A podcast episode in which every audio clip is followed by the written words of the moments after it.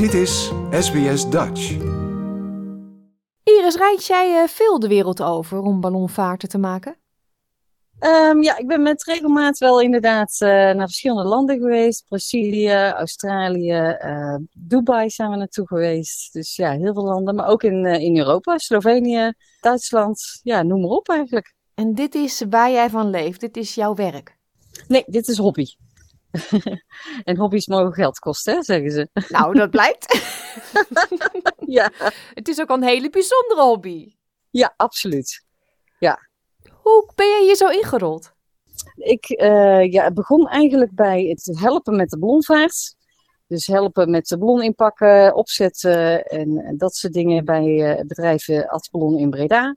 Vanuit daar heb ik mijn man ook leren kennen. En die deed al heel lang in wedstrijdvaren. En die is ook twintigvoudig Nederlands kampioen. En zo ben ik eigenlijk ook in het ballonvaren terechtgekomen en ben ik de theorie gaan leren en de praktijk. En ik heb nu één wedstrijd in Frankrijk gedaan. En daar was ik tweede vrouwelijke deelnemer. En nu, dit is mijn tweede wedstrijd, mijn tweede echte wedstrijd die ik nu maak. Ja, en deze wedstrijd is specifiek voor vrouwen. Dit is specifiek voor vrouwen inderdaad, ja. Vrouwen-WK voor ballonvaart. Ja. ja, dus kan ik daaruit concluderen dat daar normaal gesproken mannen en vrouwen gewoon uh, samen aan de wedstrijd meedoen? Ja, je hebt een, uh, een, een, een, wedstrijd inderdaad uh, het ene jaar in Europa, het andere jaar wereldkampioenschappen. En daar mogen dan wel mannen en vrouwen aan meedoen. Als je, maar dan moet je je eigen wel kwalificeren. En dat doe je dan weer in je eigen land. Door verschillende wedstrijden te varen. En je hebt ook nog een juniorenkampioenschap. En dat is uh, jeugd tot met 27 jaar. Ja. En daarnaast heb je dan de vrouwen-WK. En dat is nu hier in uh, Noordhem. Ja, je hebt vanochtend vroeg een uh, testvaart gemaakt. hoe is het landschap? glooiend. ja, lichte heuveltjes. mooi wat mist aan de grond. Um, ja, wat, wat, wat watertjes, uh, veel, uh, her en der wat bossen en wat, wat landen. En uh, het moment dat we wilden gaan landen hadden we 90 graden draaiing. Dus dat we 90 graden de andere kant op gingen. En hoe komt dus dat? Dus er zit redelijk wat sturing in. Ja, dat komt ook door de opwarming van de aarde. Dus het moment dat de zon opkomt, dan gaat ook die windrichting veranderen. Ja, want uh, ik dacht altijd, die ballonvaarten zijn uh, aan het begin van de dag en aan het einde van de dag, omdat je dan uh, mooie zonsopkomsten of ondergangen hebt. Maar het heeft dus ook te maken met dat een ballon, als het heel gloeiend heet is, niet kan varen. Ja, het moment dat de zon opkomt, dan warmt hij de aarde op en dan krijg je de thermiek. En met thermiek kunnen wij niet varen, want wij, als we in zo'n thermiekbel terechtkomen, dan ga je ongecontroleerd omhoog of ongecontroleerd omlaag. Thermiek, en dat is? Ja. Uh, ja, de opwarming van de aarde. Dus de luchtbellen, zeg maar, uh, waar een zweefvliegtuig wel op kan vliegen, maar wij dus niet. Nee, nee. Dus dan moet je altijd vroeg je bed uit. ja, vroeg mijn bed uit en laat, uh, later weer in. ja. Is het nou heel anders om in West-Australië te varen dan bijvoorbeeld in Nederland? Ja, je hebt hier wel weer andere winden. In Nederland is alles vlak en staat er vrijwel altijd wind. En um, ja, die gaat vrijwel gewoon die, uh, een, een, kant op. En daar zit niet veel uh, verandering in. En hier heb je toch wel die heuveltjes die die veranderingen brengen. Hmm. En aan het toernooi, hoeveel mensen gaan er meedoen? Hoeveel ballonnen gaan er de lucht in? Want ik neem aan dat het ook een spectaculair gezicht is voor mensen die op de grond staan. Dat je kan komen kijken. Zeker weten. Ja, we hebben 31 deelnemers.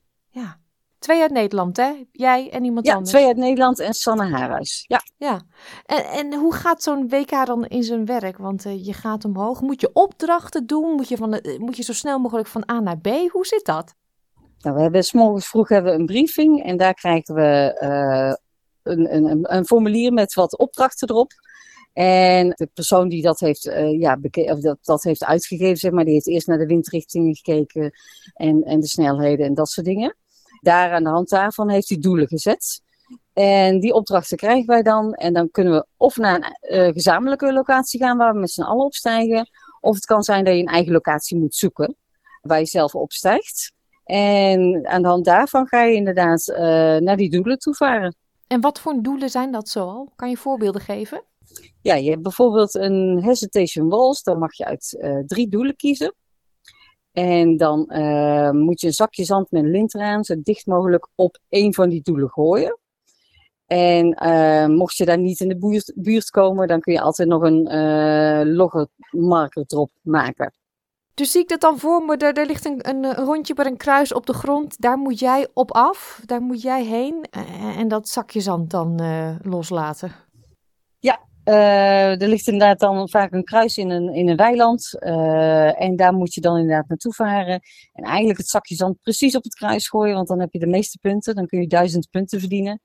En ja, liggen er heel veel zakjes, ja, dan heb je, kan je wat minder punten krijgen. Ligt er maar heel weinig zakjes en de andere, andere twee kruisen bijvoorbeeld ook weinig tot geen zakjes, ja, dan kun je heel veel punten krijgen. Ja, en uh, is zo'n uh, WK meerdere dagen? Want, uh...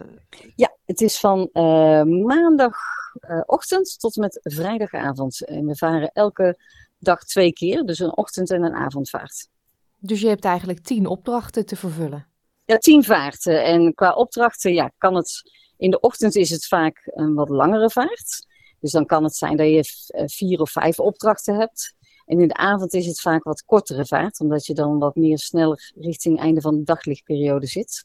En dan heb je vaak ja, twee, hooguit drie opdrachten. Mm En meten ze dan je prestaties alleen op die zakjes zand af, of zit er ook een official bij jou in de mand? Nee, er zit geen official bij mij in de mand. Nee, ze meten het echt inderdaad op de zakjes zand af of jouw logger uh, scoren. Mm En je vertelde gisteren al, toen we elkaar even kort spraken, uh, alle bemanning is vrouw. Ja. Er mag echt geen man mee. Nee, in, in deze wedstrijd mag geen man mee. Nee. Nee. Zijn ze heel streng. Ja. Dus jouw man die staat daar als kampioen uh, op de grond en die volgt jou uh, op de voet. Ja, die gaat uh, aan de grond mij volgen inderdaad. En die probeert met, we proberen met een speciaal programmaatje inderdaad te kijken of hij mij daarmee kan helpen. Ja, want je mag ook niet met hem communiceren lijkt mij. Ja, communiceren mag wel hoor, dat is helemaal geen probleem. Oh, wat geestig. Dat mag wel. Dus je mag wel mannelijke input, maar mag niet bij je in de mand staan. Nee, hij mag niet in de mand staan, maar wel mannelijke input. Ja. ja. Hoe schat je je kansen in? Uh, nou, mijn man die denkt dat ik gewoon al heel hoog eindig. Maar ik zelf heb precies, ja, er zitten zoveel groeien nog tussen. Uh, ik, ik hoop de middenmoot. ja, dus uh, zo rond plaats 15? 15, ja, hopelijk, ja. Nou, ik vind het wel heel lief dat hij zoveel vertrouwen in je heeft. ja. Een vraag die anderen misschien ook hebben is: uh, vaar jij nu met je eigen ballon? Heb je dat meegenomen in je handbagage? Of heb jij nou een ballon van de organisatie bijvoorbeeld? Ja, ik heb een ballon inderdaad, die leen ik van de organisatie, uh, van uh, Sean Kavanagh, en dat is van Kavanagh Balloons. Dit is weer de ballon van zijn broer. En het, het grappige is wel dat mijn man heeft hier vroeger ook meegevaren met deze ballon.